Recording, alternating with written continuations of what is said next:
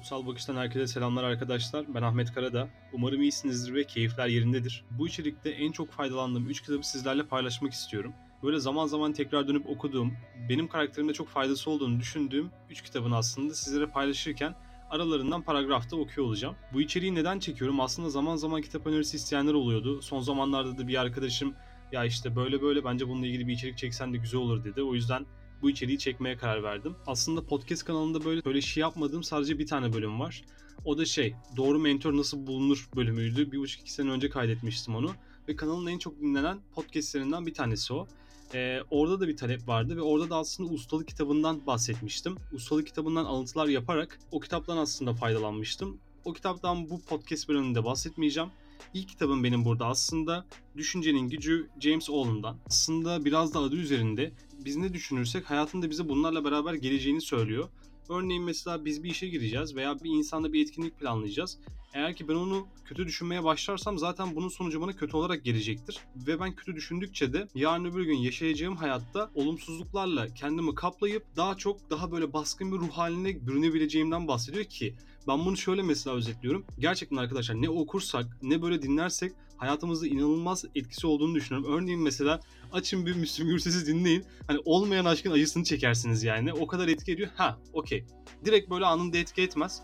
Ama bizim her dinlediğimiz şey, her okuduğumuz şey beynimizde ve aklımızda yer ettiği için, bilinçaltımızda yer ettiği için aslında bu bir iki gün içerisinde onun acısı çıkıyor. Okuduğumuz şeyler de böyle ki bir sonraki önereceğim kitapta Her Şey Beyinde Başlar kitabı. Orada da diyor ki senin beynine ne girerse beyninden o çıkar. Hani beynini bir öğretici gibi düşün. Akış var orada bir. Sen o akışa ne gönderirsen senin beyninden de ruh halinden de o çıkıyor. Her neyse o kitaba daha geçmedim. Sadece aklıma gelmişken bir girdim hemen değindim. Geri dönüyorum. Düşüncenin Gücü kitabından şöyle hemen o çizdiğim sayfayı bir açayım arkadaşlar. Burada şöyle diyor. Okuyalım daha sonra da bunu yorumlamaya çalışalım. Şikayet etmeyi ve kaygılanmayı bırakın. Suçladığınız hiçbir şey sizin şu anki durumunuzun nedeni değildir. Nedenini kendi işinizde arayın. Nedenin olduğu yerde çözüm de vardır. Ancak sizin şikayetçi bir yapıda olmanız yükünüzü hak ettiğinizi gösterir.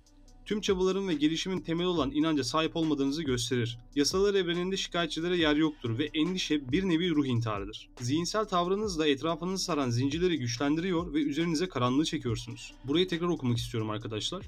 Zihinsel tavrınızla etrafınızı saran zincirleri güçlendiriyor ve üzerinize karanlığı çekiyorsunuz. Hayata bakışınızı değiştirdiğiniz zaman dış dünyanız da ona göre şekillenecektir.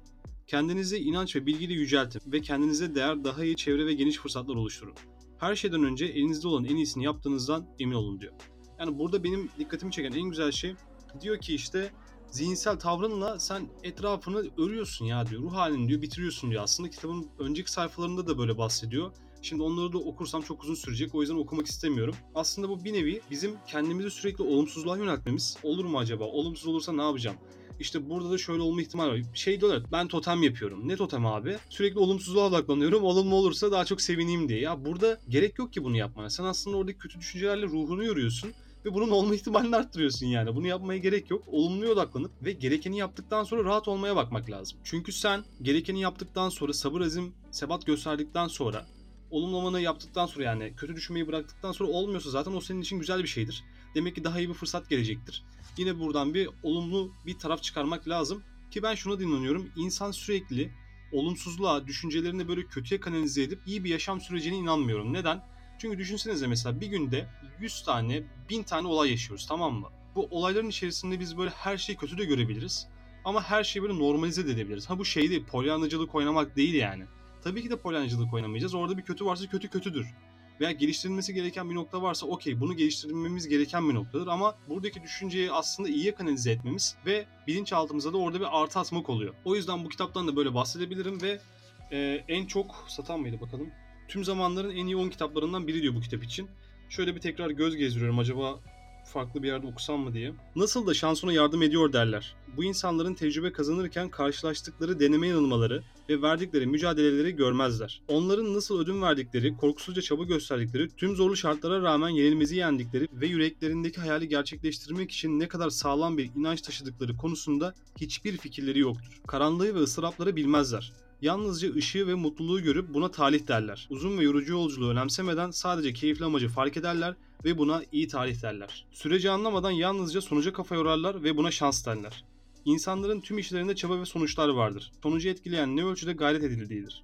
Şans değil, kabiliyetler, güçler, maddi, zihinsel ve ruhsal servetler çabanın meyveleridir. Bunlar tamamlanmış düşünceler, başarılmış hedefler, gerçekleştirilmiş hayallerdir. Aklınızda yücelttiğiniz hayal, yüreğinizde taşlandırdığınız ideal her neyse hayatınızı bunlarla inşa edersiniz, bunlar olursunuz. Diyor kitap. Aslında çok da güzel söylüyor ya. Gerçekten bu kitap var ya okey, dünyaya da hitap ediyordur ama ya Türkiye %100 hitap ediyor ya. Çünkü burada diyor işte, görüyorsun böyle başarılı bir insan, Abi çoğu insan diyor ki işte şans. İşte bende şans yok da. Ondan sonra zaten benim de onda şu olan gibi şu olsa da ben de başarırdım da hatta daha fazlasını yapardım da. Yap abi. Mesela ben kendim için söyleyebilirim. Ben sıfırdan gelmedim. Eksiden geldim yani. Birçok şeyi tırnaklarımı kazıya kazıya yaptım ve hala da yapmaya devam ediyorum. Ben mesela şöyle deseydim nasıl olurdu? Ya işte bende şans yok da işte. A kişisinde var da B kişisi şöyle de C de böyle de o zaman ben ne yapayım yatayım. Hayatı kabul edeyim o zaman hiç savaşmayayım çabalamayayım vesaire falan. O yüzden bu gibi kafalardan çıkmak gerek. Bu gibi insanların tam karşısındayım. Başarılı insan başarılıdır ve altında birçok düşme kalkma, birçok başarısızlık, ondan sonra birçok kötü günler, bunalımlar yatıyordur ve o insan öyle başarmıştır. Ee, her başarılı insanın arkasında aslında böyle bir ton yaşanmışlıklar vardır diye düşünüyorum. Bir sonraki kitapta Mümin Sekman'dan Her Şey Beyinde Başlar. Arkadaşlar bu kitap gerçekten önemli bir kitap ve benim de birkaç defa bitirdiğim bir kitap. Aslında Beyin 101. Beyin neden önemli? Kitaptan bir alıntı yaparak size bunu okumak istiyorum. Nasıl çalıştığını bilmediğiniz şeyi kontrol edemezsiniz. Kontrol edemediğiniz şeyi yönetemezsiniz. Yönetemediğiniz şeye sahip olamazsınız. Sahip olamadığınız şey ise size sahip olur. Yani sen beynini kontrol etmezsen, yönetmezsen o zaten seni yönetir. Senin de aslında kendine geçirdiğin bir söz olmaz. Çünkü beyin inanılmaz bir organ ya. Bence en enteresan organlardan bir tanesi. Her şey beyinde başlar kitabını okuduktan sonra Mutlu Beyin, ondan sonra Bağımlılıkların Gücü, ee, yine Sinan Canan'dan Beyinle ilgili kimsenin bilemediği şeyler diye bir kitap vardı galiba tam hatırlamıyorum. Onu okuduktan sonra bir de Alışkanlıkların Gücü kitabı. Bunlar böyle beyinle ilgili bayağı şey ya, e, insana katkı veren şeyler. Beynini çözümlüyorsun ve nasıl davranacağını biliyorsun orada. Mesela bu kitaptan da size böyle bir iki tane e, yer okumak, paragraf okumak istiyorum. Bu arada o paragrafı okumadan önce bu kitapla ilgili biraz daha bilgi vermek istiyorum. Şunlardan bahsediyor. Akıl ve zeka arasındaki fark, işte iyi bir uyku, iyi bir uykunun faydaları nelerdir? Beyinle uykunun arasındaki ilişki nedir? bir konuyu anlarsan nasıl daha iyi öğrenirsin vesaire falan gibi e, beynin süreçlerinden işte akıl ve zekanın arasındaki fark nedir bunlardan bahsediyor. O halde hemen paragrafa geçiyorum. Diyor ki arabamızın modelini ve beygir gücünü biz seçemiyoruz ama onu nasıl kullanacağımızı biz seçebiliyoruz. Arabanın beygir gücünü arttıramıyoruz ama şoförün sürüş becerisiyle başkalarını geçebiliyoruz. Dünyayı en zekiler değil, en akıllılar yönetir. İyi ki de böyledir. Çünkü zeka güzellik gibidir, doğuştandır ve eşit dağılmaz. Akıl zekanın eşitsizliğini kapatır. Zekanın %70-80'i doğuştan gelir. Akıl ise %80'den fazla insan çabasıyla gelişir. Akıl bir fırsat eşitliğidir. En önemlisi akıllı olmak elimizdedir. Elimizde olmadığını düşünenler bunu nasıl yapacağını bilemeyenlerdir. Şimdi aklın ofisine girelim. Bakalım bizi akıllandırmak için hazır bekleyen nöronlarımız nasıl yaşıyor, nasıl çalışıyor, ne yiyorlar, ne içiyorlar. Beynin efendisi olan nöronların hikayesi sizi bekliyor diyor. Daha sonra devam ediyor. Yani diyor ki zeka böyle aslında anne ve babanın genlerinden gelen bir orandır. E, kimi insan daha zekidir, kimi insan ondan daha az zekidir ama akıl herkesle eşittir. Akılda sen hayat içerisinde kendine ne kadar yatırım yaparsan o kadar nispette gelişir. O yüzden akıl zekanın eşitsizliğini kapatır diyor ve dünyayı da en akılların yöneteceğinden bahsediyor ve yönettiğinden bahsediyor aslında. Ya bu kitap bayağı inanılmaz bir kitap. Bir de böyle çok sade bir dille anlattığı için beynin bu reflekslerini, ondan sonra bu uykudaki durumunu veya nasıl bir şey daha iyi öğrenebileceğini, e, beyin böyle bir şey öğrendiği zaman bunları hangi aşamalarda kaydettiğini ve hatırlarken nasıl hatırladığını vesaire falan böyle birçok konuya değiniyor. Bunu da bayağı oldu okuyalı. Hatta tekrar bir böyle çizdiğim yerlere bakınca dedim ki ya ben bu kitabı bir daha okuyayım. Çünkü unuttuğum yerler olmuş ve gayet faydalı yani. O yüzden bu kitap da ikinci önerdiğim kitaplardan bir tanesi. Bir de bu kitapta çok güzel bir söz vardı onu hiç unutmuyorum. Diyor ki bana hatırlama değil unutma sanatını öğretin. Çünkü ben hatırlamak istediklerimi hatırlıyor fakat unutmak istediklerimi unutamıyorum diyor. Bu da böyle bir anımızdı. Şimdi diğer kitapta Alışkanlıkların Gücü. E, bu alışkanlıkların gücü kitabı da Charles Duhigg'den. E, bu kitap da böyle dünya üzerinde en çok satan kitaplardan bir tanesi. Yani bu kitap var ya baya böyle ilginç şeylerden bahsediyor. Okurken böyle şaşırabileceğiniz bir kitap. Hani bu kitapla ilgili bir bölüm okumayacağım çünkü bu kitap kaç bölümden oluşuyor? 9 bölümden falan oluşuyor yanlış hatırlamıyorsam.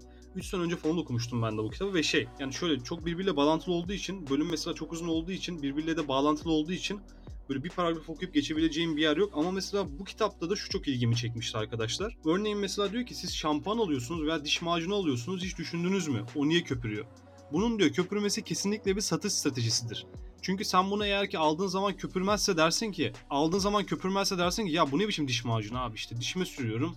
Ondan sonra dişimi fırçalamaya çalışıyorum ama bu köpürmüyor. Demek ki bu kalitesiz dersin. Ama onun var ya alakası bile yokmuş. Tamamen bunun köpürmesi, şampuanların, diş macunlarının satış stratejisinden kaynaklıymış. Ee, bunu da böyle ufak bir bilgi olarak geçeyim. Bu kitaptan okumuştum ve öğrenmiştim. Yine bu kitapta şeylerden de bahsediyor. Her insanın bir alışkanlıkları vardır. Bağımlılıkları vardır. Örneğin işte sigara alışkanlığı veya ne bileyim geç kalkma alışkanlığı vesaire falan gibisinden.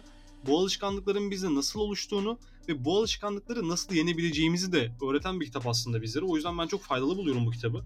E, muhakkak hani okumanız gereken kitaplardan bir tanesidir diye düşünüyorum. Ve bazı markalardan da bahsediyor. Mesela bir tane arkadaşıyla konuşmasından bahsediyor. Orada diyor ki hani çocuklarımın McDonald's'a gitmesindense eroin kullanmasını tercih ederim vesaire falan diyor yani burada. E, o da yine çok uzun bir bölüm. Yine mesela bir yerde böyle oda kokusu ile ilgili bir tane şey var. Sprayer var. Freze miydi neydi ya böyle ilk çıkanlardan o batma noktasına geliyor. Batma noktasından insanlara bir reklam stratejisine nasıl empoze ettiklerini ve nasıl böyle batmadan kurtarıp da mesela Frez dediğimiz şeyi hala biliyoruz ve, dünyada bayağı satılıyor yani. Nasıl onu böyle hype şeklinde çıkartabildiklerini anlatıyor vesaire falan. Birçok birbirinden harika bilgi içeriyor. Bu üç kitabın size çok şey katacağını düşünüyorum. Özellikle Alışkanlıkların Gücü kitabı hem hayatınızdaki alışkanlıklara bir şeyler katarken hem de böyle dünya üzerindeki bilindik markaların nasıl strateji yaptıklarını ve abi biz nelere kanıyoruz ya dediğimiz bir kitap olacağına inanıyorum. Her şey beyinde başlar kitabı kesinlikle böyle beynimizi tanımlayacağımız ve hayatımızda birçok şey değiştireceğimiz ve birçok şey artık bilinçli yaklaşacağımız bir kitap olarak bize fayda sağlayacağına inanıyorum. Düşüncenin Gücü kitabı da gerçekten ya bakın düşünceyi değiştirdikten sonra farklı bakmaya çalıştıktan sonra gerçekten mutluluğunuz ve hayat kalitenizin arttığını göreceksiniz. Ben kendimde şahsen bunu gözlemledim. O yüzden Düşüncenin Gücü kitabını da bu yüzden öneriyorum. Zaten ilk bununla başlamıştık ve bundan alıntılar yapmıştık. E, bu şekilde aslında ben 3 kitap size önermek istiyorum bu podcast'te. Eğer ki beğenirseniz e, bundan sonraki süreçlerde de farklı kitaplar öneriyor olabilirim. Ama bu 3 kitabı bitirelim. Ondan sonra hatta belki şey yaparız. Biliyorsunuz Kodsal Bakış diye bir topluluğumuz var aslında ve Discord kanalı var. O Discord kanalında okuduğumuz mesela Düşüncenin Gücünü mü okuduk? Ondan sonra burada buluşup bu kitapla ilgili tartışabiliriz, konuşabiliriz, düşüncelerimizi belli edebiliriz. Aslında benim aktarmak istediklerim bu kadardı arkadaşlar. Çok da fazla uzatmak istemiyorum. Bu arada şunu da paylaşmak istiyorum. Eğer ki podcast'ı beğenirseniz ve faydalı bulursanız Instagram'da ve Twitter'da paylaşabilirsiniz. Paylaş butonuna bastıktan sonra Spotify'ın kendi böyle özel e, story haliyle hikayenizde paylaşıyor olacak. Bunu da belirtmek isterim. O halde yavaş yavaş bölümün de sonlarına gelirken kendinize iyi bakın arkadaşlar. Umarım faydalı ve güzel bir bölüm olmuştur. Bir sonraki podcast'te görüşmek üzere. Güzel kalın, hoşçakalın.